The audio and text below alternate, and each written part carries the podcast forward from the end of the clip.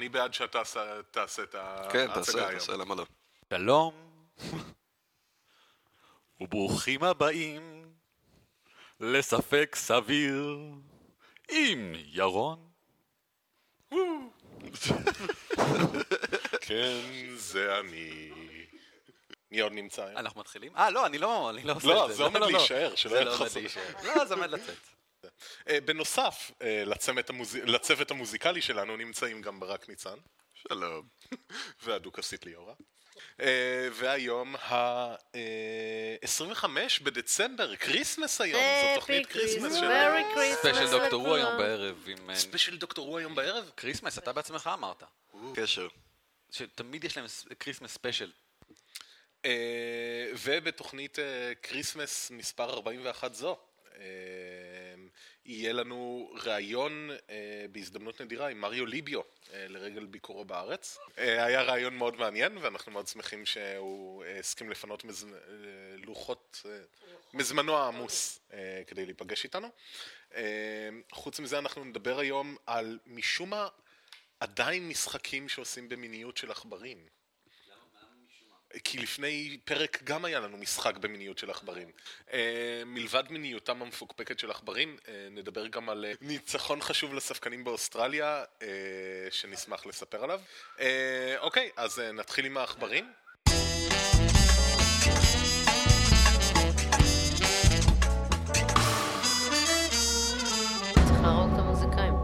בינתיים אבל אפשר לדבר על יצירת עכבר ללא כרומוזום Y. ועד אז, מחקר שהוביל אותו החוקר פול תומאס מאוניברסיטת אה, אדלייד באוסטרליה, אני מקווה שאני אומרת את השם של האוניברסיטה נכון. אדלייד, כן, משהו כזה. אה, החוקרים שם הצליחו ליצור עכבר זכר ללא כרומוזום Y. אה, איך הם עשו את זה בעצם? הם לקחו גן שנקרא SOX. הגן הזה הוא אחראי בכלל להתפתחות המוחית. הוא גן בהתפתחות המוח.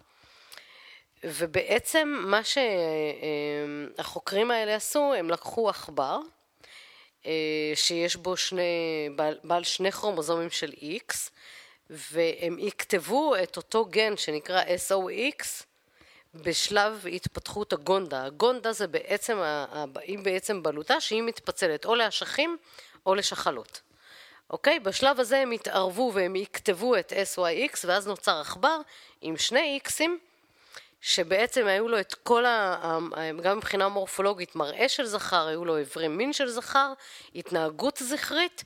הדבר היחיד שהזכר הזה לא יכל לעשות, שהוא קצת קריטי, הוא לא היה מסוגל ליצור זרע, לייצר זרע, אבל הוא היה זכר לכל דבר, מכל שאר הבחינות. מה הם עשו לו בקונצ'ה? בגונדה? לא בגונצ'ה. בשלב הגונדה הם התערבו בשלב הזה, והם פשוט אה, הביאו לידי ביטוי את הגן שנקרא SOX3. אה, בעיקרון באופן נורמלי מה שיודעים היום זה שקיים בכרומוזום Y גן שנקרא SRY, שהגן הזה הוא בעצם יצירת הטריגר להתפתחות האשכים, וברגע שהטריגר הזה מופעל להתפתחות האשכים, משם בעצם העובר הופך להיות זכר.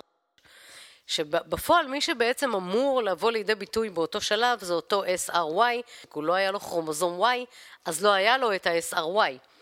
ובמקום שה-SRY הזה בעצם ישפעל את הזכר, מה שבעצם הם עשו, הם שפעלו את SOX3, והוא זה שלקח את הנתיב של אותו SRY, אוקיי? עכשיו, מה שבעצם הוא, שוב, הוא מציין אותו תומאס שהם חושדים בזה הרבה זמן, אה, שבעצם ה-SOX3 הוא הגן הקדום שממנו אבולוציונית התפתח ה-SRY. אז אם יש את זה לא צריך את ה-Y? לא, לא שלא צריך את ה-Y, זה, זה החלק שבו בא לידי ביטוי הח- החלקים הזכריים, אבל עדיין הוא לא פורה והוא לא יכול לייצר זרע. אבל מה שזה די הוכיח להם, או לפחות גורם להם מאוד להאמין, שבעצם אותו SOX3 הוא באמת האב הקדום של SRY שהתפתח מאוחר יותר. עכשיו, כבר יש עוד מחקרים שגם הם מציינים אותם ובעוד מקומות שראינו, שבעצם אומרים שיש אנשים הרי שיש להם שני כרומוזומים X, והם בעצם נראים זכרים לכל דבר, אבל הם, הם כנראה לא פוריים, הם, זה אנשים דפוקים, אוקיי? אה, לא, זאת אומרת, מבחינה גנטית. אוקיי.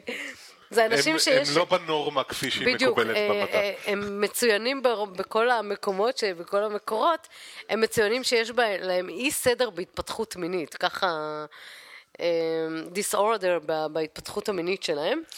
בעצם. ה- ה- המחקרים האלה בעצם שופכים אור על אותם אנשים שבעצם מסתכלים ואומרים, רגע, יש להם שני, שני כרומוזומים X, יש בהם ביטוי זכרי, ומצאו אצלהם ביטוי של אותו גן אה, X או אה, S, אה, סוקס 3.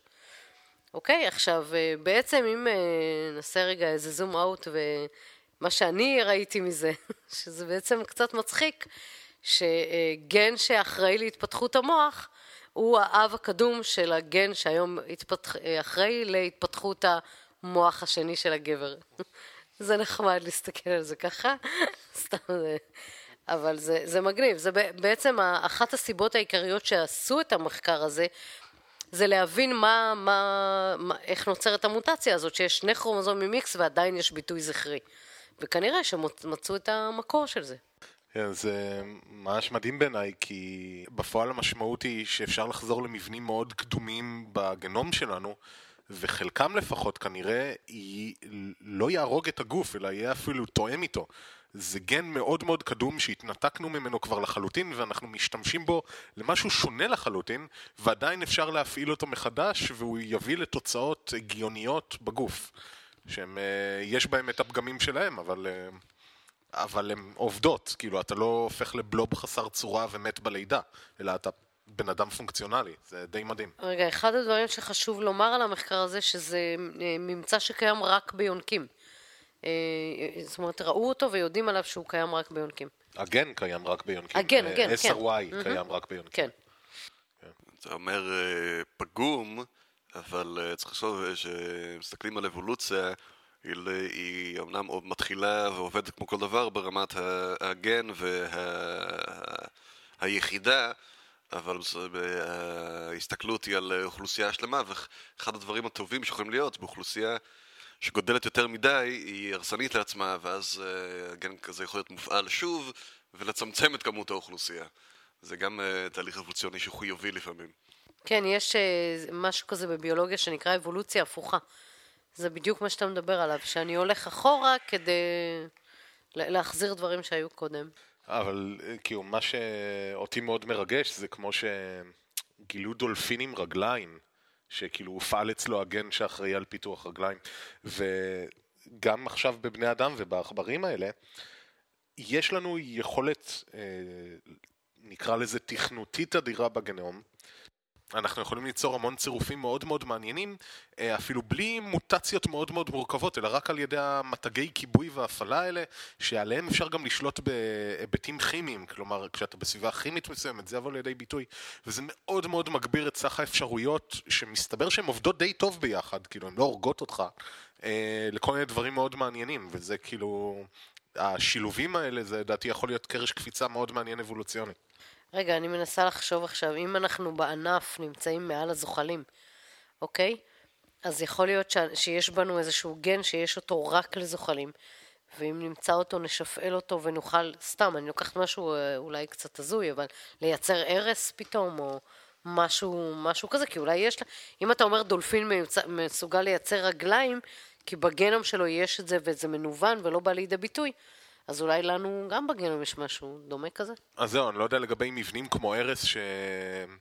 שוב, הם מורכבים מהמון המון דברים והמון בלוטות וכימיה שונה בדם, אבל לצורך העניין כן, זה הקטע המגניב. כאילו, איפשהו בגנום שלנו, אם זה לא יידרדר לאורך זמן, אמורים להיות הגנים לביטויים של דברים מאוד מאוד מגניבים, כמו אולי קשקשים, נניח, לצורך העניין.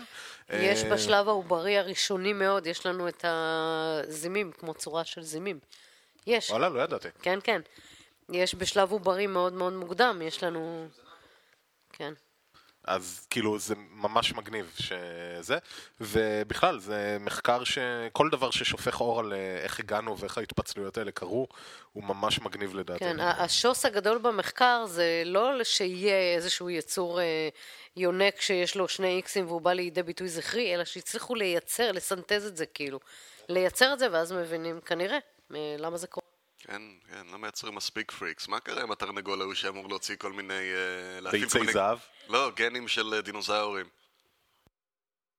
מה? בטח זה יפני. לא? לא, היפנים רצו לשבט ממוטה. הם בדרך. לא, אני חושב שכן. של chickens, יש להם כל מיני גנים כאלה שלא מופעלים, שאתה יכול להפעיל אותם יחסית בקלות, ואז להוציא אה, אלמנטים דינוזאורים. נכון, כאילו, אני זוכר את זה, זה מחקר, כאילו, הפכו להם את הכנפיים ל... אני לא יודע אם עשו, אני חושב שרק דיברו על לעשות את זה, זה אה, fucking אני- awesome. לא, אני ראיתי ממש צילום של אה, אפרוח שהוא מת, הוא לא התפתח, אבל היו לו בכנפיים את המבנים שהיו לטרדפטור, או איך שלא קראו לו.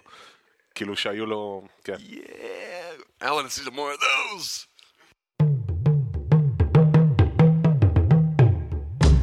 Oh.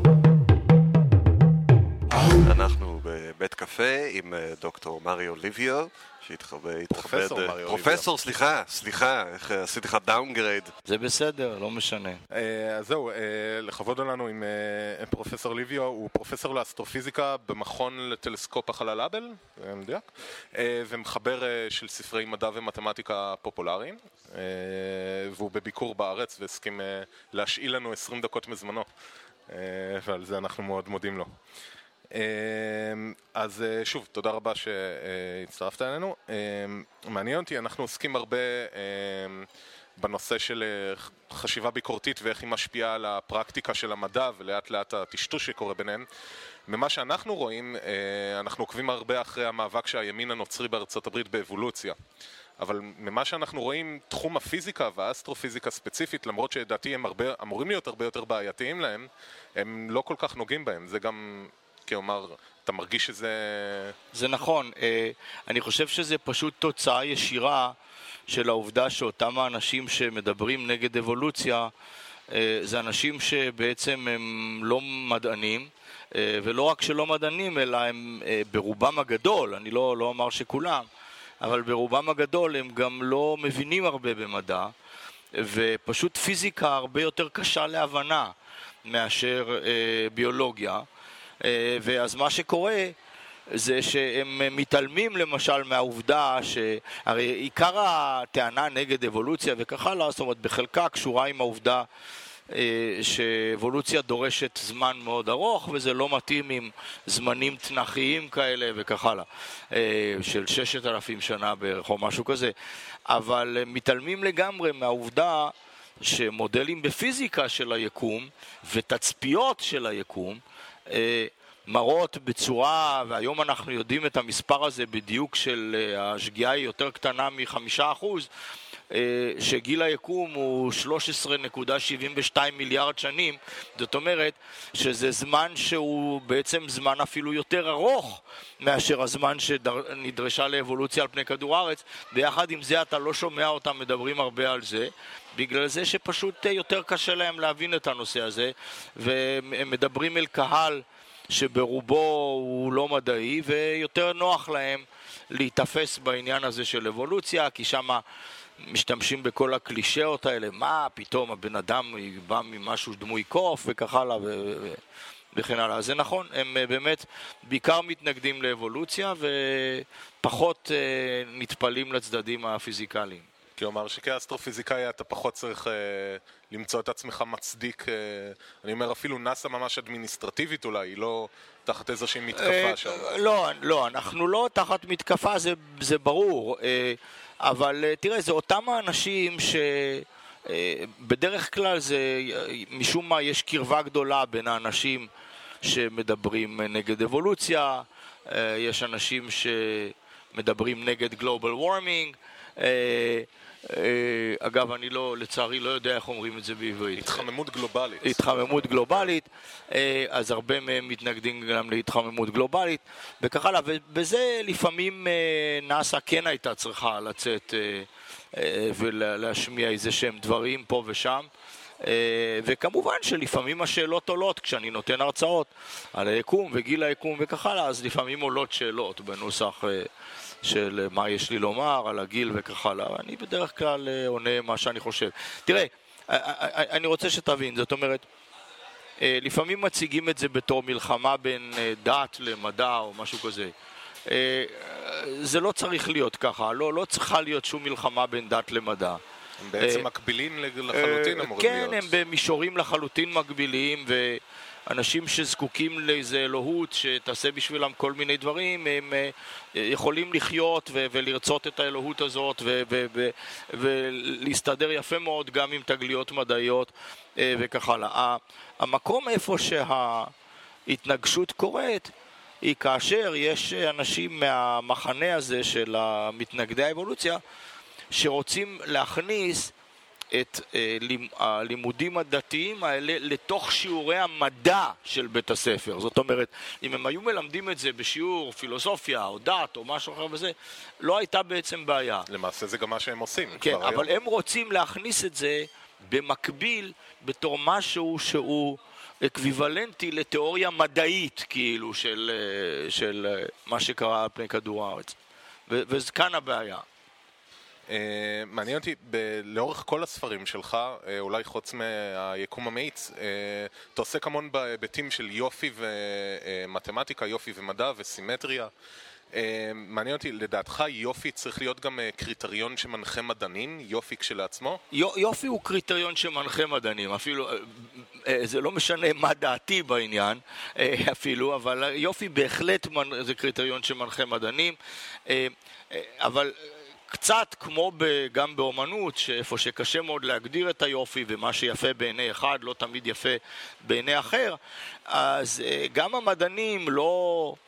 עד כדי כך התאמצו להגדיר למה הם קוראים יופי, אבל אה, לפחות יש כמה תכונות, אני יודע, אלגנטיות וזה שכולם פחות או יותר מסכימים, זאת אומרת, בדרך כלל אה, אם אתה מראה לאנשים איזושהי הוכחה מתמטית, אז רוב האנשים יסכימו איזו הוכחה יותר אלגנטית מהוכחה אחרת. אה, כשזה מגיע לתיאוריות פיזיקליות, אז כולם מסכימים שאנחנו רוצים להסביר עם מספר מועט ככל האפשר של חוקים הכי הרבה תופעות שאפשר. כן, זאת אומרת, אין שום פיזיקאי שאני מכיר שלא יסכים עם הקריטריון הרדוקציוניסטי הזה. אה, אז, אה, אז, אז בהחלט כולם אה, שואפים לדברים דומים, למרות שאולי בדיוק ההגדרה המדויקת של יופי היא לא בדיוק אותו דבר בעיני כל האנשים. אני זוכר גם נדמה לי היה ספציפית על כשגילו את uh, בין הגל לחלקיק, את הדואליות, אז בהתחלה גילו, מגלים לחלקיקים, ואז אמרו בשביל היופי נחפש את הסימטריה על הצד השני, עם לא האלקטרונים, אני, אני לא בטוח, אני לא בטוח ששם, לפחות. לא, כן, אני לא בטוח ששם השיקול האסתטי היה השיקול המכריע. אה, שם מה שבייחוד קרה זה שאנשים היו רגילים לחשוב במושגים קלאסיים. ובמושגים הקלאסיים הם uh, הגדירו תופעות שמתנהגות כמו חלקיקים, כמו נניח כדורי ביליארד שמתנגשים, והם הגדירו תופעות uh, שמתנהגות כמו גלים, נניח כמו גלים במים וכך הלאה. Uh, זאת אומרת, הם הגדירו איזה מין תופעות שיש להן תכונות כאלה ואחרות.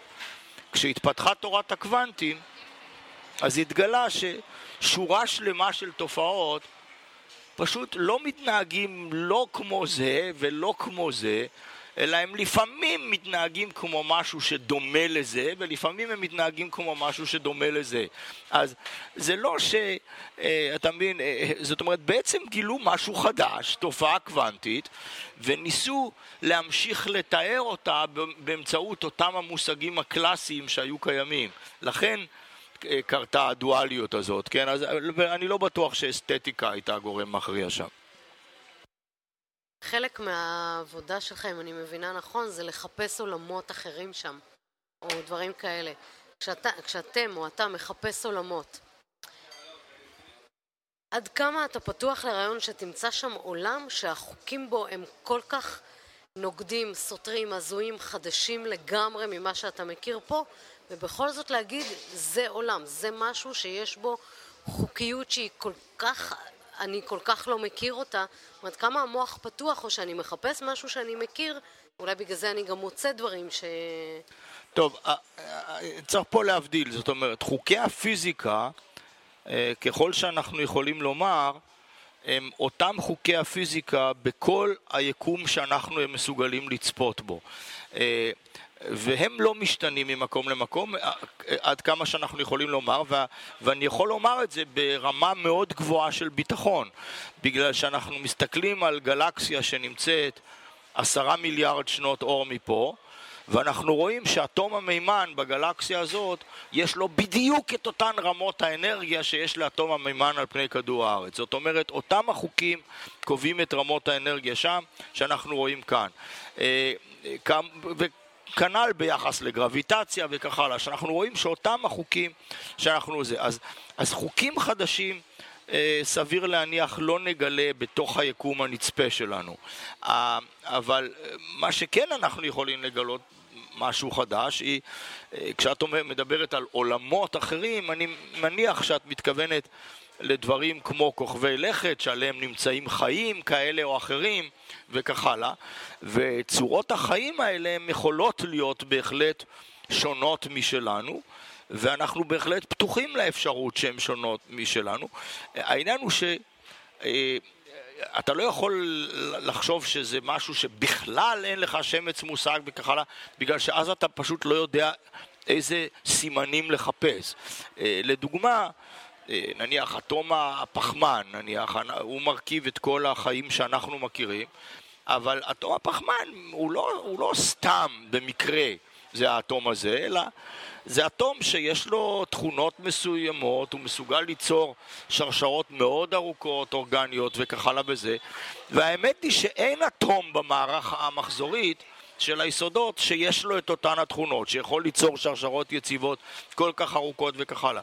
אז זה לא אה, מטורף להניח שאולי בכל מקום שישנם חיים ביקום הם מבוססים בסופו של דבר על פחמן.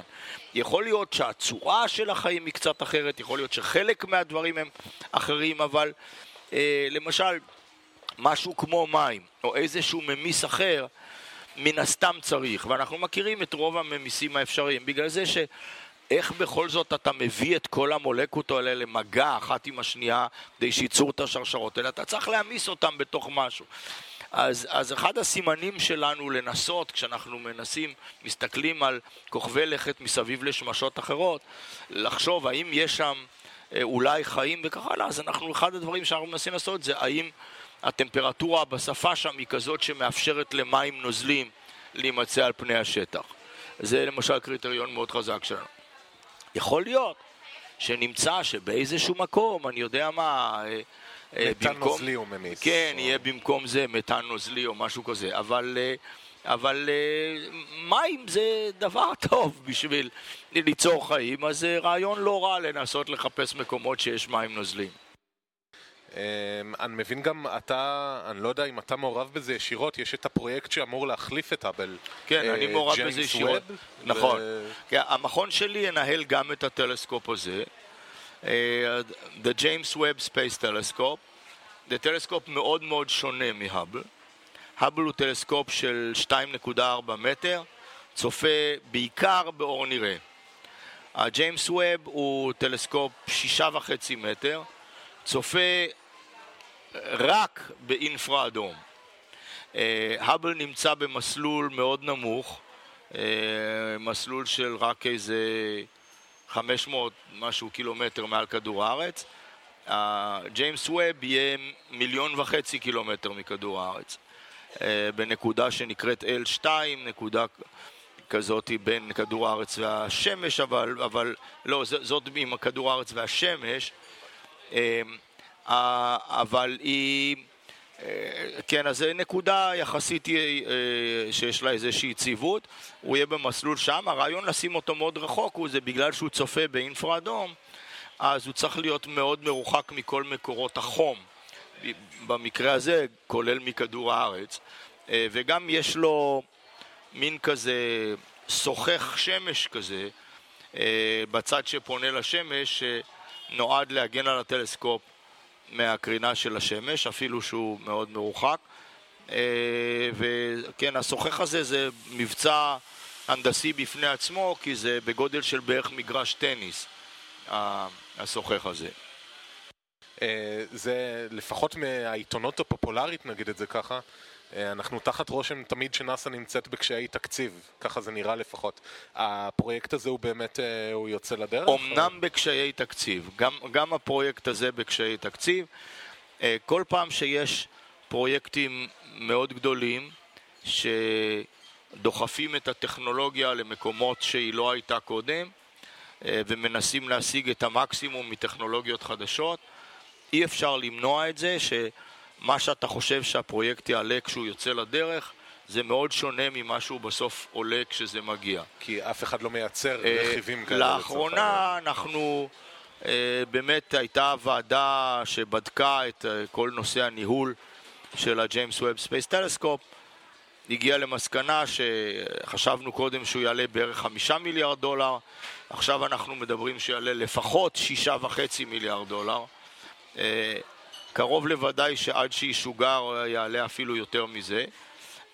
אז כן, הפרויקטים הגדולים האלה עולים הרבה כסף, אבל תשמע, זה ההאבל של העשור הבא, זה הפרויקט הכי גדול שקיים באסטרונומיה היום, ואם הפרויקט הזה לא יהיה, אז זה יעצור את האסטרונומיה בצורה מאוד מאוד משמעותית.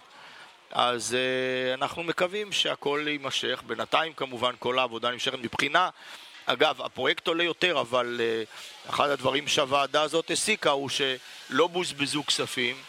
Uh, לא, uh, מבחינה טכנולוגית המבצע הוא ממש עושה את כל מה שצריך, מאוד מאוד יסודי בצד הטכני של הדברים, אבל זה עולה יותר כסף. יש רק לגבי הסוף של האסטרונומיה לא, זה לא יהיה הסוף כן, של לא, האסטרונומיה, אבל לא. זה... זה יהיה אה, מכשול גדול. רציתי לשאול באמת לגבי רמת שיתוף הפעולה שלכם עם אה, ארצות אחרות כמו סין והודו, הפעילות שלהם, יש להם גם הרי...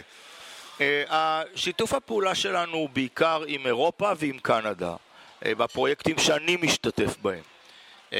זאת אומרת, גם בהאבל וגם ב James Webb Space Telescope יש לנו השתתפות חשובה בהאבל בסדר גודל של 15% מהפרויקט ובג'יימס ווב משהו דומה לזה אה, עם הסוכנות החלל האירופית אה, וגם יש לנו השתתפות מאוד חשובה עם סוכנות החלל הקנדית שמספקת גם כן לפעמים חלק מהמכשירים, רכיבים, דברים, סיפקה את הזרוע הרובוטית הזאת במעבורת החלל שהשתמשו בה כדי לשרת את ההאבל וכך הלאה. לנאסא באופן כללי אה, בלוויינים אחרים אה, יש אה, שיתופי פעולה עם יפן הרבה בעיקר, היה בהרבה מאוד לווייני קרינת X, הייתה, היה שיתוף פעולה גדול עם יפן. אני לא ער באופן ישיר, אבל שוב, אני, אני לא מעורב בכל הפרויקטים של אסא, אני מעורב באמת בהאבל ובג'יימס Space Telescope לשיתופי פעולה גדולים עם סין ו/או עם הודו. אה, אני יודע שסוכנות החלל הישראלית יש לה איזה שיתוף פעולה עם הודו, עם הודו כן. אה, אז אה, זה קיים, ואני מנחש שיש איזה שהם דברים, אבל אני, אני לא ער לדברים גדולים, אבל זה לא אומר, לנאסא יש עשרות רבות של לוויינים, ובהחלט ייתכן שבחלק מהם יש איזשהו שיתוף פעולה עם סין או הודו. זהו, טיפה בנוגע להתקדמות הטכנולוגית שבאמת אה, תביא ללוויין הזה וכולי, או באופן כללי. אנחנו שוב, אנחנו רק ניזונים אה, ידיעות ממקור שני, או לפעמים שלישי, לגבי מה קורה בעולם המדעי והאסטרונומיה והאסטרופיזיקה. ולדוגמה, נתקלנו ב... אה, אנחנו כל הזמן רואים קיצור יותר ויותר גדול בין... התגלית הראשונה באיזשהו תחום לבין מה השימושים מעשיים בו. לדוגמה היה, אה, הצליחו אה, לזהות אה, סופרנובה ישנה דרך העדים מענני האבק, משהו כזה, זה היה איפשהו במרץ, אה, ואז פתאום הגיעו מזה למסקנות על סימטריות של סופרנובות, אה, דברים כאלה. גם בתוך התחום מרגישים כאילו יש התקדמות כל הזמן יותר ויותר מואצת, או שזה רק מהדיווחים הפופולריים נראה ככה? לא, ההתקדמות היא בהחלט יותר מואצת כי הטכנולוגיה מתפתחת מאוד מהר.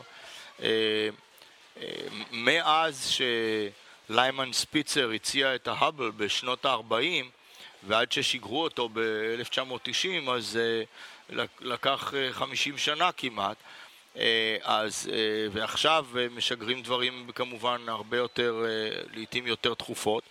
uh, בתקופה המיידית עכשיו, מעבורת החלל צפויה לעשות רק עוד איזושהי טיסה אחת, אז יהיה אולי איזושהי עצירה מסוימת בשיגור, אבל אה, למשל אה, את הג'יימס ווב אה, אמורים לשגר עם טיל צרפתי, האריאן 5.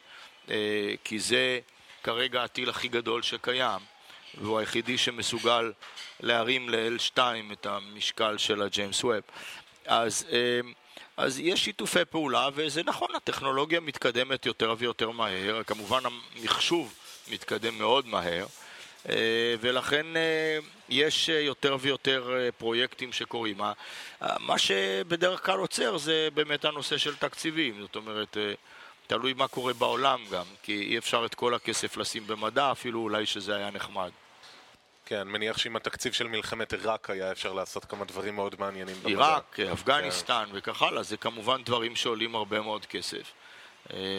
כן, אין מה לעשות. היה משבר כלכלי גדול, כן, הרבה דברים.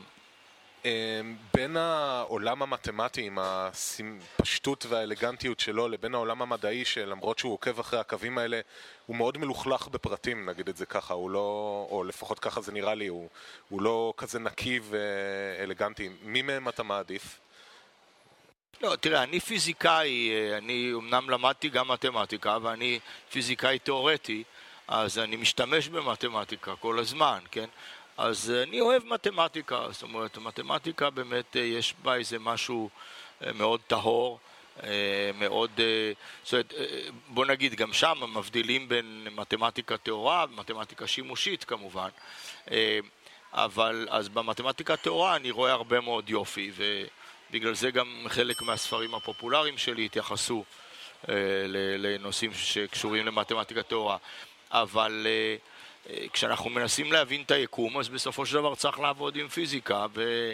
וזה מה שאנחנו מנסים לעשות. Uh, אז כמובן משתמשים בכלים מתמטיים בכל זה, ולפעמים גם, כמו נניח בתורת המיתרים וכך הלאה, לפעמים פיזיקאים עכשיו אפילו מנסחים מחדש או ממציאים את הכלים המתמטיים שבהם הם צריכים להשתמש. אז כן, אז יש כמובן קשר הדוק. האמת היא, זה מעניין אותי. בנושא תורת המיתרים, אה, לברק יש... כן, בעיות חריפות איתה. אה, מה... כאילו, יש אה, מעין ויכוח כזה בקהילה... בקהילה שמדברת על הקהילה המדעית, נגיד את זה ככה. פילוסופיה האם... של המדע, אז דיון שבאמת כן, קיים בתוך הפילוסופיה כן, של המדע. על האם זה מדע, האם זה פילוסופיה, האם זה משחק מתמטי אלגנטי או משהו שימושי. איפה, מה דעתך על העניין? תראה, אני חושב שתורת המיתרים היא בחיתוליה. אה, אני חושב שזה... תורת המיתרים היא המועמדת הכי טובה שאני ראיתי עד עכשיו אה, לתורה שמאחדת את הכוחות החלקיקים וכך הלאה. אה, זאת אומרת, לא ראיתי מועמדת יותר טובה, תורה יותר טובה בינתיים שעושה את זה. אבל בגלל שהתורה היא בחיתוליה, אז יש המון דברים שאנחנו לא מבינים, גם בצד המתמטי, וגם uh, התורה עד עכשיו התקשתה לייצר תחזיות שניתן לבדוק אותן באופן מיידי. זאת אומרת, זה לא שהיא לא יצרה תחזיות בכלל, uh, בין השאר, למשל, uh, כוח הגרביטציה הוא תוצר מאוד, uh, uh, הייתי אומר, טבעי של תורת המיתרים, שזה משהו מאוד יפה. אבל תתקשה להגיד שתורת המיתרים ניבאה את הגרביטציה, כי ידענו על זה קודם, כן? אה, באופן דומה, אה, תורת המיתרים אה, עשתה איזה שהן עבודות מאוד חשובות באנטרופיה או אי הסדר של חורים שחורים, שמאוד מתאימה לתורה שפותחה על ידי יעקב בקנשטיין וסטיבן הוקינג על האנטרופיה של חורים שחורים. אז אה, תורת המתארים הצליחה להעמיד את זה על אה, מין בסיס אה, יותר יסודי. אז יש לה הישגים, אבל אין לה באמת הרבה תחזיות מיידיות. עכשיו, או שהדבר הזה יתגלה כמחסור פונדמנטלי שאי אפשר להתגבר עליו, ואז נצטרך באיזשהו שלב לעזוב את זה וללכת לכיוון אחר. או שההתקדמות תהיה כזאת שהתורה כן תצליח בסופו של דבר לייצר תחזיות שאפשר לבדוק באופן מיידי. אני בינתיים בכל זאת שייך לצד השני הזה, שחושב שצריך לתת לה סיכויים. אה, אה, למרות שהתורה כביכול קיימת כבר כמה עשרות שנים, אה, בהתחלה הלכו לכל מיני כיוונים, לא ידעו לאן ללכת. גם היום אה, יש את המצב הזה שבו יש מספר אדיר של פתרונות אפשריים לכל מיני עיקומים. אנחנו לא יודעים איך לבחור בין העיקומים האלה. אה, זה, זה מאוד קשה. אה, אם יהיה לנו מזל, אולי נגלה שיש איזה אטרקטורים כאלה שמכוונים אותך לפתרונות מסוימים ולא אחרים. אם לא, אז נהיה במצב רע, בגלל שאם יש לך עשר בחזקת אלף פתרונות ואתה לא יודע להבדיל ביניהם, אז אתה באמת די uh, תקוע. אז uh, זה המצב, אני חושב שזה uh, קלישאה כבר שהרבה אמרו אותה, אבל זו תורה של המאה ה-21 שבמקרה התחילה במאה ה-20. אה, אז אני חושב שצריך לתת לה את המאה ה-21 אה, להתקדם ולראות אם היא מובילה למשהו מאוד רציני. אין שום ספק שזו תורה מאוד אלגנטית, פותחה שם מתמטיקה יוצאת מן הכלל, אה, אבל אם זאת התורה הפיזיקלית של כל הכוחות והחלקיקים, נחכה ונראה. מה עם זה? יש את ה-M theory? זה עדיין משהו שמדברים עליו? M theory זה, זה מין וריאנט של תורת המיתרים. אז, אז כן, אז זה, זאת אומרת, M theory זה מין אה, תיאוריית M כזאת של אה, כל מיני סוגים של אה, תורת מיתרים. אמ, אוקיי, שוב, תודה רבה. שאלה קצרה אה, אחרונה. כן, אה, סליחה. חשבתי שיש לך עוד שאלות, לי יש רק לא, אחת. אנחנו כבר מתקרבים לזה, אז... כן. אז אתה רוצה לשאול אותה קודם? אוקיי. לגבי, זו אולי שאלה קצת מעצבנת, אבל אה, היו- דיברת מקודם על היוניפורמיות של החוקיות בעולם. אה, איך אה, מתמודדים עם הקונספט הזה שכל כך חשוב למדע כשבאים לדבר על מכניקת הקוונטים? כי יש הרבה אנשים שיוצאים בהצהרות שמה שמכניקת הקוונטים מלמד אותנו על העולם זה שיש אה, פעילות רנדומלית שהיא לא חוקית. זאת אומרת, אתה שמעת דברים כאלה מאנשים שבתחום או שזה רק מבחוץ? לא, לא אני, אני לא חושב שזה מה שתורת הקוונטים מלמדת אותנו. מה שתורת הקוונטים מלמדת אותנו היא שהתורות שיש לנו הן לא דטרמיניסטיות. זאת אומרת, הן לא... אם אתה עושה ניסוי כזה וכזה, אתה לא יודע לנבא מה בדיוק תהיה התוצאה. אבל מה שאתה כן יודע לנבא, ובצורה מאוד מאוד מדויקת על ידי תורת הקוונטים, זה את ההסתברויות לכל מיני תוצאות. זאת אומרת, התורה עצמה היא לא דטרמיניסטית במובן התוצאות שלה, אבל היא לגמרי דטרמיניסטית במובן, של ניבוי ההסתברויות לתוצאות שונות. אז, אה, אז אה, כן, תשמע, אה, התורה הקלאסית שהייתה לנו הייתה לגמרי דטרמיניסטית. תורת הקוונטים אמרה לנו לא, אתה רק יכול לנבא הסתברויות, אבל אתה עדיין יכול לנבא הסתברויות, היא לא לגמרי רנדומית. שאלה אחרונה קצת יותר ארצית אולי. אה, חלק מהמאזינים שלנו הם חבר'ה בתיכון, ואני בטוחה שיש לפחות שניים שלושה שמקשיבים עכשיו ואומרים, גם אני רוצה לעשות את זה בעתיד. איזה טיפ תיתן לנער כזה שנמצא עכשיו בשלבים הראשונים, so called, של לבחור לעצמו, הוא אומר, גם אני רוצה לעסוק בזה בעתיד. תראי, קודם כל זה מאוד יפה אם יש כאלה שרוצים לעסוק, כן? בסופו של דבר אה, העתיד אה, הוא במדע. אה, אם רוצים או לא רוצים, אה, העתיד, אה, בייחוד של מדינה קטנה כמו ישראל, הוא ביכולת המדעית שלה. אני טוען שגם העתיד של ארצות הברית הוא בעתיד המדעי שלה. ומדינות כמו סין והודו הבינו שהעתיד שלהם הוא במדע. אז, אז בוודאי שכדאי להפנות כל ילד ש, או ילדה שמעוניינים לפנות למדע. עכשיו, יש שני סוגים של התעניינות.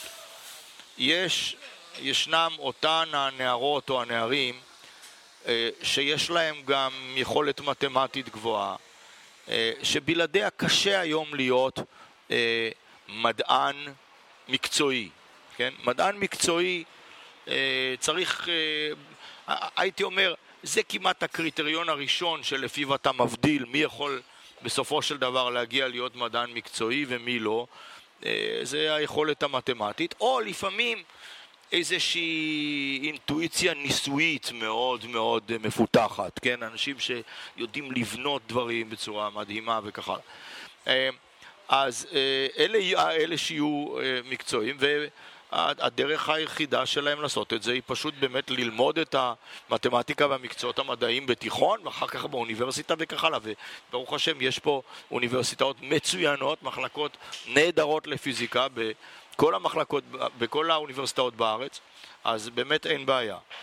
אה, מה שאני הייתי שמח אם היה קורה זה שגם אותם אלה שהכישרונות שלהם הם לא כאלה שיהפכו אותם למדענים מקצועיים עדיין יבינו את היופי של המדע ואת החשיבות של המדע. זאת אומרת, אני הייתי רוצה שכל נער, נערה, אה, יראו את אותו היופי בחוקי הטבע כמו שרואים באיזה שירה אה, מאוד יפה או ב... אני יודע, מחזה של שייקספיר או משהו כזה, כן? זאת אומרת, בגלל שבאמת יש יופי רב במדע ויש המון דמיון במדע. אה, הרבה מהקולגות שלי מאוד אוהבים מדע בדיוני, אני באופן אישי לא במיוחד אוהב מדע בדיוני, כי נראה לי שהמדע האמיתי הוא כל כך מרתק, שאני לא, ממש לא זקוק למדע בדיוני אה, כדי ש, שירתק אותי בנושאים האלה. וזה מה שאני מקווה שיקרה גם לאנשים שלא בעצמם הופכים למדענים, שהם יראו את היופי הזה של המדע ולפחות יפתחו את ההערכה הזאת ליופי של המדע. אמן. אנחנו עובדים על זה. כן, אני כן יכול להגיד שהעולם החדש הזה עם האינטרנט והגישה המאוד אינטימית למאזינים וכולי, זה פותח עוד איזושהי דלת לזו, כמו הספרים שלך או הספרים של סיימון או של הרבה אחרים.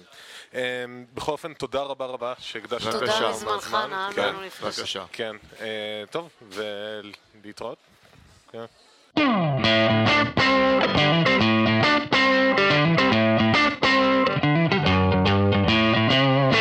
עכשיו על אה, דיווח על אה, ניצחון מאוד אה, טוב וחשוב לספקנים באוסטרליה, והאמת היא לספקנים בכל מקום. יש חברה בשם פאוור בלנס, שהיא משווקת צמידים, שעליהם יש הולוגרמות מיוחדות, שהיא טוענת שהן מגיעות לסנכרון ותעודה עם שדה האנרגיה של הגוף, ומגבירות את היכולות שלך ככה שהם יגיעו לפוטנציאל האמיתי שלהם. בהיבטי בריאות, כוח, גמישות, ובאופן כללי אה, כל הדברים האלה.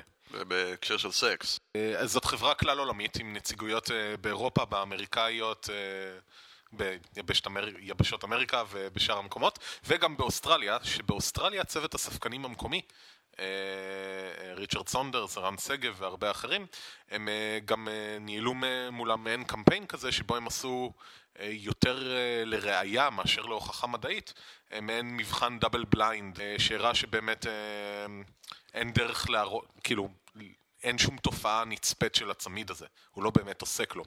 זה מלבד הסבירות המקורית לזה שהוא לא יעשה כלום, והטכנו בבל והפסדו מדעי שהיה קיים באתר שלהם שאומר שזה לא יעשה כלום, אה, ובאופן כללי שהיה ברור לכל אחד שמבין מה זה cognitive bias ו-confirmation bias שהצמיד לא עושה כלום.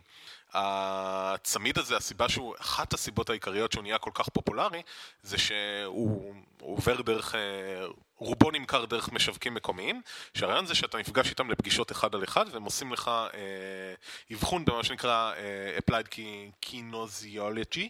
כמו שברק אמר, אה, שהרעיון הוא באמת שהם, לדוגמה, אתה פושט את הידיים שלך קדימה, והמאבחן דוחף אותם קצת למטה, מפעיל עליהם לחץ, בכל אופן, אז אתה ניגש למאבחן, אתה פושט את הידיים קדימה, במקרה הזה הוא מפעיל עליהם לחץ ומראה לך שקשה לך מאוד להתנגד ללחץ הזה, ואז הוא שם עליך את הצמיד, והוא מראה לך שעכשיו אתה מתנגד בכוחות על ללחץ. אמ, השיטה הזאת גם משמשת בכל מיני טיפולים פסדו-מדעיים אחרים, לאבחן אלרגיות, רגישות למחלות, אה, אורות, הילות אה, וכל שאר הדברים. לדוגמה, כדי לאבחן אלרגיה, אתה מחזיק את האלרגן, כן, הטורופטים עושים את זה הרבה, הם נותנים לך להחזיק את האלרגן או את החלב או לא יודע מה, ואז הם מראים שהידיים שלך נשמטות יותר מכשאתה לא מחזיק את זה, לדוגמה. כן, או לדוגמה, מזכירים נושאים כאובים מהעבר שלך, ובזה שהידיים שלך נשמטות, זה אומר, זה מה שאתה צריך לטפל בו, זה מה שאתה צריך לתקשר, זה מעין שיטה שמתאימה להכל, אפשר לעשות אותה על הכל. כן, אני ראיתי לדוגמה שנמכרים עם זה, נמכרות עם זה שמיכות מגנטיות, כל מיני, זה משמש להכל. כריות, שמיכות וכיוצא בזה, יש גם כרית. אה, ובפועל כל השיטות אבחון האלה, כולם הם למעשה אותה שיטה, והיא נסמכת על העובדה שבו אה, התצפית נעשית גם על ידי מי שמפעיל את הלחץ על הידיים, והוא יכול להפעיל כמה לחץ שהוא רוצה באיזה שלב שהוא רוצה. שוב, לאו דווקא מזדון, יכול להיות שהוא באמת מאמין במה שהוא אומר, אבל אה, אה, כל מיני אה, אפקט, אה, אפקטים שדיברנו עליהם בתוכנית, כמו אידיומוטר אפקט ודברים אחרים, גורמים לו להפעיל פחות לחץ, כי הוא רוצה שזה לא יצליח, לדוגמה. זה יכול להיות נכון בהרבה מקרים, אבל הדרך הכי פשוטה לגרום לדבר הזה לעבוד, אה, בין אם מרמה או לא, קשה, קצת קשה לתפוס את זה כלא מרמה, אבל זו הצורה פשוט שאתה לוחץ. שהבוחן או המוכר אה, ניגש אליך אה, בלחיצה מזווית מסוימת, אה, אתה- יכול להשיג תוצאה אחרת, וזווית אחרת תוצאה הפוכה לגמרי, בלי שאתה תשים לב להבדל. יש הדגמות של זה, אנחנו נשים לינק, ריצ'רד סאונדרס בעצמו עושה הדגמות של איך עושים את זה ומה ההבדל בזווית, זה טריק גם ישן של קוסמים, קוסמי במה. It's very easy, אתה יכול לעשות את זה באופן מודע, אבל אתה יכול לראות גם בן אדם שעושה את השינויי זווית באופן מאוד מודע ולראות שהוא מנסה לעבוד עליך. אני רוצה רגע לומר שלדעתי חלק מהאנשים שעוסקים בזה, הם מאוד מאוד מאמינים שזה ככה ושזה עובד, ושהם הם מרמים, אבל יכול להיות שהרימוי הוא לא באמת מתוך המודע שלהם, שאני בא לרמות מישהו. זה אחת מהשיטות הרבות שבהן אה, מאוד קל לך לרמות את עצמך, למעשה. אה, בכל אופן, אז זאת השיטת אבחון, וכשאתה ניגש למשווק, אז הוא מראה לך שהצמיד למעשה עובד, ואתה מקבל ממש הדגמה בידיים שאתה מרגיש, אה, אז ככה זה הפך לצמיד מאוד פופולרי, ובין היתר הוא נמכר גם להרבה ספורטאים שמייחסים לזה את ההצלחות שלהם. לדוגמה, שקיל אוניל, בטסטימוניאלס שהוא נתן לאתר, אז הוא אומר, חלק מההצלחה על המגרש, מה שמאפשר לי להיות במיטבי, דברים שכאלה. וואלה, שקיל? כן. בכל אופן, אז אה, זה המוצר, והחברה אה, מאוד מצליחה, והוא נמכר באיזה 70 דולר לצמיד, זה המון. אה, לפיסת פלסטיק בתכלס. ואז אחרי ה- גם ההדגמה שעשו באוסטרליה, וגם הגישו שם תביעה לרשות להגנת הצרכן, ה-ACCC. אה, והרשות להגנת הצרכן בחנה את התביעה והגיעה למסקנה שהחברה בפרסומים שלה מייצגת מצג שווא כאילו שיש סימוכין לטענות שהמוצר הזה באמת עוזר, בעוד שאין שום ראייה מדעית אמיתית שהוא עוזר, ולכן. התבצעה פה רמייה בפועל של החברה במסעות הפרסום שלה, ולכן א', החברה צריכה להבהיר של המוצרים שלה באוסטרליה, הכל מדובר על באוסטרליה, של המוצרים שלה אין את כל הטענות שהם טענו שיש להם, ב', היא צריכה לחדול מכל הפרסומים הקודמים, ג', היא חייבת לאפשר לכל מי שרוצה להחזיר את המוצר ולקבל את כספו בחזרה, שזה מאוד יפה לדעתי. אה, עכשיו, הבעיה זה שהפסיקה הזאת היא רלוונטית רק לאוסטרליה, ונכנסתי היום, הסתובבתי קצת באתרים של החברה, אז באתר האוסטרלי, קבור תחת הפרס, יש את ההודעה הזאת לעיתונות שהם אה, חויבו להוציא על פי חוק, על פי תקנה, לא על פי חוק, אה, אבל בכל שאר המדינות באירופה, בארצות הברית, באמריקה הלטינית, אה, כן, נכון, זה נשאר. המסע, כן, המסע פרסום הקודם כמו שהוא היה, כן. אני חושבת שזה אולי באסה שזה רק באוסטרליה, אבל זה הצעד הראשון. אה, מקומות אחרים יוכלו למנף את זה משם. אה, אני לא יודע, אני צריך להיכנס לפרטים של זה, אני לא יודע עד כמה... זה נשמע שרוב ההצהרות שלהם היו לא ממש אה, לא, לא. ספציפיות, שהם הלכו לחוקים שהיית יכול להוציא דברים כאלה בכיף. אז זהו, אה, דווקא מסתבר שהיו להם כמה מעידות לשון כאלה או אחרות שהן בדיוק חוצות את הקו העדין הזה, אבל כבר יש קמפיין שמתארגן בארצות הברית להגשת התביעות לרשות סחר האמריקאית. זה בדיוק הנקודה, שאם החברה איפשהו מודה, כי לפי מה שאני הבנתי גם די הכריחו אותם להודות, שפשוט הם, הם, הם רימו, אז אם חברה מודה באיזשהו מקום, אז אם אני באה עכשיו סתם פה בארץ, אני אומרת, הנה, הם, הם מודים, כאילו יותר קל לי מאשר לגרום להם עכשיו את כל התהליך מחדש. כן, אין ספק שיש הצהרה של החברה עצמה שאומרת, אכן המוצר לא עושה את מה שאמרנו שהוא עושה, בצורה משפטית כזו או אחרת, זה, זה לפחות יקל. זה, זה נראה לי אני מסכים. אוקיי, אבל אני לא רואה את זה כניצחון, אני רואה את זה כסוג של... אה, לא כישלון, אבל אה, עבודה בד... בדרך הלא נכונה, כי הבעיה היא... הבעיה הגדולה היא, כפי שאני רואה אותה, היא לא במוצר או בפרסום של המוצר, אלא באנשים שנתקלים מול סוגי פרסום כאלה. זה לא שהם שמו, הנה מחקר אה, מדעי שפורסם בז'ורנל הזה והזה, וזה, הם פשוט אמרו רצף של טענות שהן לא קוהרנטיות ולא זה, וציבור שהיה מחונך בצורה אחרת, אני חושב, היה מג- מגיב, או כמו שהרבה אנשים אכן מגיבים ולא קונים, או אומרים זה בולשיט. אה, תשמע, אני קשה, אני מעדיף ש... שהציבור ייפגע, והחזקים ישרדו.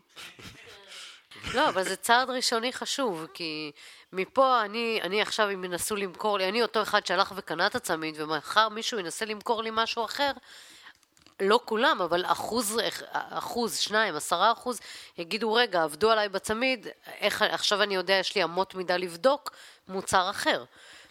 זה כמו שערן אמר, מיני מיני ניצחון, אבל זה, זה, זה צעד קטן לאנושות. לפחות אולי חלקם ילמד להסתכל באינטרנט. כן. שזה כבר משהו גדול. Alright. כן. אז ייי איי ועבודה נהדרת לספקנים שם.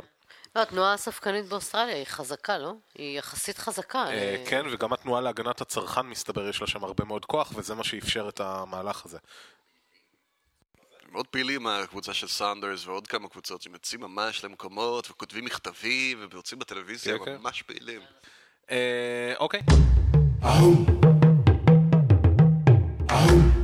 והם אה, חדשות משעשעות שם לחדשות נוראיות שם. רק ספר לנו איך הורגים אנשים. תראה, יש כמה טכניקות ש... שאני, שאני אישית אוהב. אני לא יודע אם ראית את מקגרובר, אבל uh, throat rip, it's very good. כן, אני אגיד זה. Uh, כן, אביב אוהבת שאני אומר לפני זה, סיפור עצוב, אז אל תתכוננו לצחוק. עכשיו אני כבר כאילו קצת... זה framing. משהו נורא. אוקיי, אז בהאיטי אז uh, בהאיטי יש כמה וכמה בעיות, על חלק, חלקם שמעתם, על הרעידת אדמה שהרגה מאות אלפי אנשים והשאירה כמה מיליונים חסרי בית, שמעתם? אז בנוסף גם יש להם uh, חולרה, התפשטות של uh, מגפת חולרה. Uh, ההשלכה הנוראית של זה, שקשורה אלינו, היא שבינתיים לפחות כ-45 אנשים נרצחו על ידי חיתוך במשטי וזריקת אבנים ושריפה. 45 אנשים אה, נרצחו בגלל שהם אה, אה, עוסקים בוודו והתושבים בהאיטי האשימו את העוסקים בוודו במגפת חולרה. הסיפור הזה מגיע לנו דרך המנהיג הרוחני שם שפנה אל הרשויות ולתקשורת שמבקש שיעשו משהו כדי שיפסיקו להרוג את האנשים. החולרה, אגב, יחסית קל לטפל בה. אה, צריך אה, לתת קצת אנטיביוטיקה ולשתות הרבה בעיקר. הבעיה היא שבהאיטי יש הרבה בורות. כן, אני לא אומר את זה באופן מתנשא, זה מה שמוצג בשטח. הם לא רק אה, הרגים את האנשים שעוסקים בוודו כי מאשימים אותם בקסם רע, אלא גם הורסים את המקומות שמקימים של... את המרכזים שמקימים לטפל בבעיות חולרה. כן, באים אנשים מה-UN וזה מתחילים לבנות את אה, איזשהו מקום שיוכלו להגיש תרופות ולבדוק אנשים והם אה, הורסים אותם. אה, חשוב להבין, זה לא מדובר פה על חוסר רגישות דתי. חצי מהתושבים בערך עוסקים ב... זאת אומרת, הם שייכים לאמונת הוודו. אמונה שהיא שילוב של מסורת מאפריקה ונצרות מהקולוניה הצרפתית שהקימו שם. וכן, הם I don't know what to tell you. זה לא נראה טוב. רגע, אני, אני מנסה להבין, אה, יש חולרה? באים אנשים מהאו"ם או מאיזשהו מקום חיצוני לטפל בחולרה, והאנשים בהאיטי מפריעים להם להקים את מרכזי הטיפול, כי החולרה נוצרה לא בגלל שלא מטפלים בה, אלא בגלל שיש איזה וודואים שעושים בלאגן? זה פחות או יותר הסיפור? תשמעי, אה, יש שם אה, מדינה, אפשר לקרוא לזה מדינה בכלל בשלב הזה. בכאוס אה, מוחלט, אנשים בפחד ומוות חסר, חסרי בית והשנאה והבורות מובילים אותם למקומות קשים. חלק לשם, חלק לשם. זה לא שלא מצליחים להקים מרכז, מרכז כזה או אחר, אבל קשה להפיץ את הבשורה ולחנך אנשים לגבי מה קורה עם חולרה כדי למנוע את זה בצורה יחסית פשוטה. די מזעזע, ושואלים what's the harm? Uh, here's the harm. לא יודע, אם כי פה זה באמת, זה יותר בורות ופחד מאשר... That's what we're talking about. That's what's the, the harm of uh, ignorance and fear. אני מצטער, אחרי שראיתי שגם בעתיד עוד uh, יאשימו את הוורלונים בזה שהפקרות מתו. אני יודע שאין סיכוי, תמיד בורות ופחד ינצחו. Uh, טוב, נוראי. Fucking French.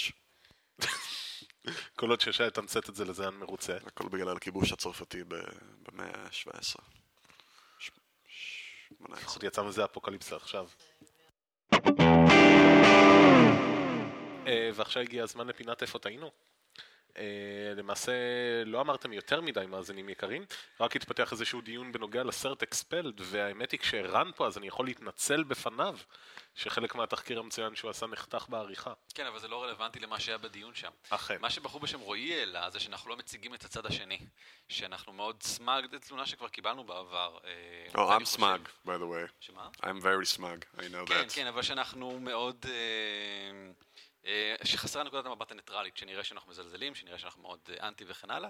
זה משהו שאנחנו קיבלנו בעבר ובוודאי נקבל בעתיד שוב, אין הרבה מה לעשות, לפעמים זה קורה, אה, והרבה פעמים הרושם מתקבל גם כשאנחנו לא רוצים שזה יקרה. אני רוצה לציין ספציפית שבמקרה של אקספל זה קרה בהצדקה גמורה, וכמו שסלין מייק עלה לו שמה, אה, זהו סרט איום ונורא. אין נקודת מבט אחרת. אין, אה, אין באמת זכות להציג בריאתנות כמשהו לגיטימי לדון עליו, כמו שאין שום זכות להציג את כך שהנעל שלי הביאה את ארץ ישראל לכדי... אין, יש עובדות שמראות אחרת, לא את הנעל שלי. הצגנו את הדברים כמו שהם. אנחנו לגלגנו לסרט כי זה סרט שמגיע לו לגלוג, לא כל דבר מגיע לו אה, שיישפט באופן אה, דו צדדי ושנעמוד שעתיים ונחשוב ונהרהר לעומק. אני ניסיתי להציג אותו באופן לדעתי מאוד הוגן, אני הייתי מאוד רגוע רוב הזמן ונתתי לראות לשאר האנשים ללגלג, אה, אבל אני מסכים איתם לגמרי, זה סרט טיפשי והוא סוג של זבל. הוא מציג עמדות מטומטמות והוא עושה את זה עם שקר. ואם אנחנו נתמוך ונאמין שכזה דבר ראוי להגנה או לעמדה, אז אנחנו ממניחים את הסטנדרטים שלנו ללא שום סיבה מוצדקת. רק בגלל שזה הוגן יותר, רק מתוך איזשהו עיקרון, איזשהו אידיאל של אה, פריות לכל, שזה בדיוק מה שהסרט מנסה להציג. כל הסרט מציג את העמדות שלו מתוך דרישה לאיזושהי פריות שאין לה שום ביסוס. אז זהו, ואני אשמח לענות לאורי יותר בפירוט אם הוא רוצה שמה בתגובות. כן, אנחנו זה, באחד, זה היה מקיף. כן, אתה יודע, באחת התוכניות הראשונות באמת דיברנו על, על uh, מה כרוך בעולם המדע ועולם הספקנות, ושהדיון הזה שמתרחש הרבה פעמים בתקשורת, שדיון שווה משני הצדדים, מקומו במדע הוא לא מקומו, אם אפשר לומר. זה לא המקום לדעות או לש, לשני הצדדים. אני רוצה להגיד רק, אתה אמרת אין שום מקום לדיון על בריאתנות. יש מקום, אבל לא בשדה המדעי. זה כן, ה... ודאי, ודאי, כן, כן, כמובן. זה, כן, זה בדיון הכוונה. הכוונה היא לדיון כן. כתיאוריה מדעית באמת. בדיוק, ולא יש כ- לו מקום, רק לא בדיוק בשדה מדעי. שברק אמר עכשיו, ואתה לא יכול להכניס דברים כאלה. אין הוגן במדע, יש פשוט את האמת במדע, אין שום דבר מעבר לזה. האמת הפרובינציאלית הזמנית הכי טובה שיש לנו כרגע. אני חשבתי שהתלונה העיקרית שלו היא שלא אה, לנו הצגנו את מה זה בריאתנות, כאילו במה עסק הסרט, מה זה אינטליג'נט זה דיזיין. נכון, באמת לא הגענו בזה כמעט בכלל, אני חושב שכי עשינו את זה כבר באיזה תוכנית קודמת. זהו, לא עשינו את זה נחזור על בתוכנית. אה, אז אה, בכל אופן, אבל תודה, היה כיף לראות כזה איזה כן, דיון מגניב. כזה זה. אה, ותודה באופן כללי לכל מי שמשאיר תגובות או שולח לנו רעיונות, אנחנו לאט לאט מגיעים להכל. אה, ונשמח לשמוע גם מכם, תיכנסו כבר היום ל-www.ספקסביר.co.il ומהרו להשאיר תגובה לפני שיגמר. לאט לאט המגה בייטים נגמרים.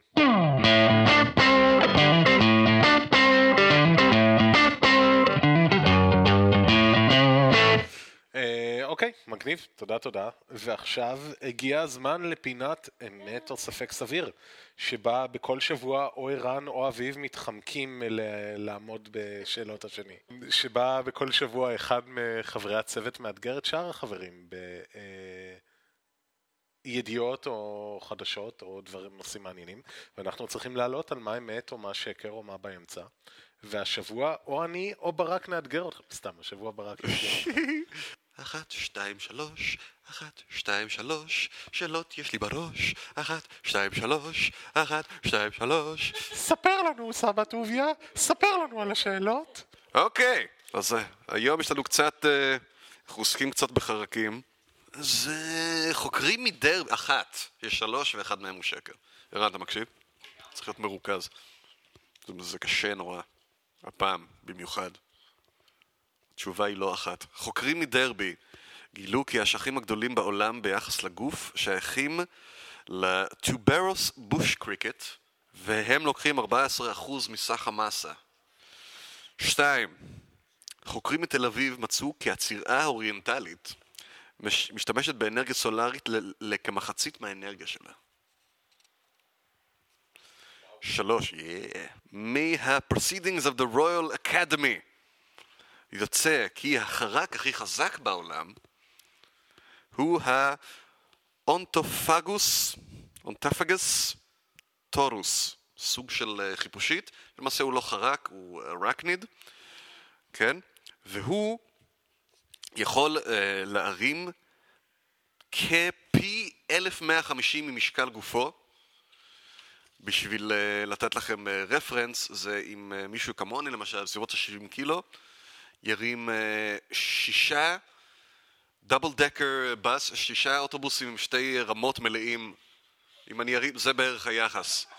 השני הוא השקר. care to elaborate? ובכן, אנרגיה סולארית, מה זה אנרגיה סולארית? זה נשמע אנרגיה סולארית, זה נשמע שמשהו חסר שם, איזשהו פת חסר, ואם הוא חסר, אז זה השקר. והדבר השני, מתל אביב, אם כבר אז מאוניברסיטת תל אביב, אתה מבין? אז זה גם שקר. כי אין מקום, כאילו, של מחקר תל אביב. יש אוניבר... אתם הבנתם? כן. אין, אין חנייה בתל אביב כדי לעצור ולחקור את הצרעות. נכון, גם לא אין. צרעות בבועה, הבועה היא מושלמת. ירון? אה, אז אני דווקא אחלוק על ידידי המלומד. You're so stupid. אה, לדעתי החיפושית זה נכון. נראה לי הגיוני שזה יהיה חיפושית, כי נדמה לי שפעם שמעתי שזה חיפושית. אז זהו, שלדעתי, אני מסכים איתך, גם אני חשבתי אנרגיה סולארית, אנרגיה זה. הדבר היחיד שאני יכול לחשוב עליו שהוא יכול ליפול תחת הקטגוריה הזאת, זה שבשביל לעוף, היא מנצלת חלק מאנרגיית החום של השמש. כלומר, זה לא שהיא סופחת את האנרגיה הזאת ואז משת... משחררת אותה מאוחר יותר, אלא שזה מה שמשמש אותה לפעילויות האלה שלה. נראה לי, אני לא בטוח. אני ארוץ עם זה, נניח. אה, והאשכים, כמובן. What? מה? צרצרים, אשכים. נכון. אה? האשכים נכון. לא. אני בטוח שכן. אז רגע, במה אתה בוחר?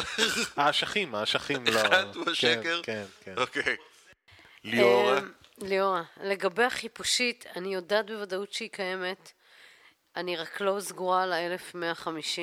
אמ, אני יודעת שהיא באמת החרק הכי חזק, אבל אני בטח מדברת שטויות. אה, הצירה, אני כמו ירון, כן, בטח, למה לא שיגלו כזה דבר? זה נשמע מאוד לא הגיוני, כמו שערן אומר, ולכן אני לא אגיד שזה השקר. האשכים בצרצרים, 14 אחוז, אה, יכול להיות שהם מגיעים ל-14% כשהם לפני אה, מסירת זרע או משהו כזה, ואז זה מבטל את הקטע של לעוף, כי משהו כזה. אה, אין לי מושג, זה מה שאני מנסה להגיד, שהכל נראה לי זה. אני אאמר בכל זאת על האשכים. זה הימור, אה, פשוט הימור. אז אה, בואו נתחיל בשלוש, כי אף אחד לא בחר בזה, סתם מניאקים. החרק החזק בעולם. אה, הוא אכן האונתופגוס, מה שליאור יודעת איך להגיד את זה בטח יותר טוב. והוא... איך? כן, כן. אונתופוג, אונתופגוס, אונתופגוס, fuck you. סוג של חיפושית. סוג של חיפושית, אה, אכן אה, המספר המדויק הוא 1141 או משהו כזה, פי אלף ממשקל גופה. היא אכן אה, יכולה לעשות זה, ולטענתם היא גם עושה את זה. I don't know how or when. זה, זה מקשר אותנו ישר לראשון. אמת! אכן השכים. רן, מעולם לא הייתי צריך לפקפק בידיעותיך באשכי עולם האמת היא. שכן, אבל עוד מעט נגיע לזה. ערן גם צדק וגם טעה בו זמנית. המקום השני אגב שייך לעוד חרק, אני לא זוכר איזה, לא יודע מה יש להם, הם אוהבים אשכים גדולים, בכמה מחרקים, אבל לסוג אה, צרצר הזה יש את הכי גדולים, ומה שהפתיע אותם לגלות זה דווקא שהוא אה, אה, בהזדווגות מוציא מעט זרע. what כן. the fuck. אגב, צרצרים מאוד, מסתבר, מאוד קל לבדוק כמה זרע הם מעבירים, כי הם מעבירים את זה בפקטס כאלה. מה, כמו ברשת? באמת זה שרציתי להגיד. הם אומרים זה חפיסות ביחידות כאלה שהנקבה שומרת אצלה. אז uh, it, it, uh, it helps you to spread your seed, man. So you gotta have the big testicles you can make a lot. ממש מטריד אותי לראות אותך מדבר על זה ברק. אתה ממש כאילו in אתם the בבית zone. לא רואים את התנועות ידיים גם פשוט. כן, אני נהנה. אוקיי, עכשיו בוא נדבר שנייה על ה... צירעה. כן, זה האמת שחשבתי לעשות זה כאייטם חדשות, כי זה היה גם כמה מקומות וגם מאוד מעניין. אה, מה שכן מצאו, יודעים כבר כמה זמן שצרעות או חרקים מסוימים, אני חושב שזה רק צרעות, הם מפיקים חשמל, כמות קטנה של חשמל. אני לא יודע בדיוק איך, או what the fuck for, כאילו למה. אבל אה, במחקר הזה, שבאמת נעשה על ידי אה, כמה חבר'ה מאוניברסיטת תל אביב, שאני לא אזכיר את שמם כרגע, אני לא יודע אותם, אמ, הם אה, חקרו את ה... מה קורה עם הצבעים הפיגמנטיים ומצאו שכן יש הפקת אנרגיה מהשמש. בפיגמנטים הצהובים הם קולטים את השמש והופכים את זה לחום בעזרת מלטונין ואז זה עובר לפיגמנטים השחורים, שם זה הופך, לחומים, סליחה, חומים, שם זה הופך לסוג של חשמל. העניין הוא, השקר פה, זה שהם כמעט ולא משתמשים בזה, זה, מפיקים לזה כמעט כלום אנרגיה. מה זה, שדה מקוטב נגד אסטרואידים? כאילו, מה נסגר? I have no idea. אולי זה משהו מנוון שעדיין קיים ושימש אותם בעבר למשהו, או משהו יש להם, מתפתח. יש להם תפוקה נוראית מזה בהשוואה לת- לתאים שאנחנו מייצרים, זה איזשהו, אני יודע, 0.35 אחוז, אבל זה מעניין, זה אחד המקרים היחידים שבאמת יש בחיה אה, כה מורכבת או חרק, שהוא מפיק אנרגיה מהשמש אה, בצורה כזאת. חשמל מהשמש, סליחה, לא צריך להגיד אנרגיה, כולנו מפיקים אנרגיה מהשמש בצורה כזאת, מפיק אה, חשמל. טוב. אז כל הכבוד ערן, כן, כל הכבוד ערן. כן. you the man. יפה לך, ערן. אה, ואתה זכית למעשה, ב- כמו ב-Whose Line is it anyway, להגיד שלום למאזינים שלנו. בקול מיוחד של... אה, מי אתה רוצה להיות? אה, מישהו שדבר בקול גבוה. מישהו שמדבר בקול גבוה, ערן, תגיד שלום למאזינים. להתראות! ל- להתראות! להתראות! מצוין. תודה, תודה. אה, כן, להתראות. ביי. ביי.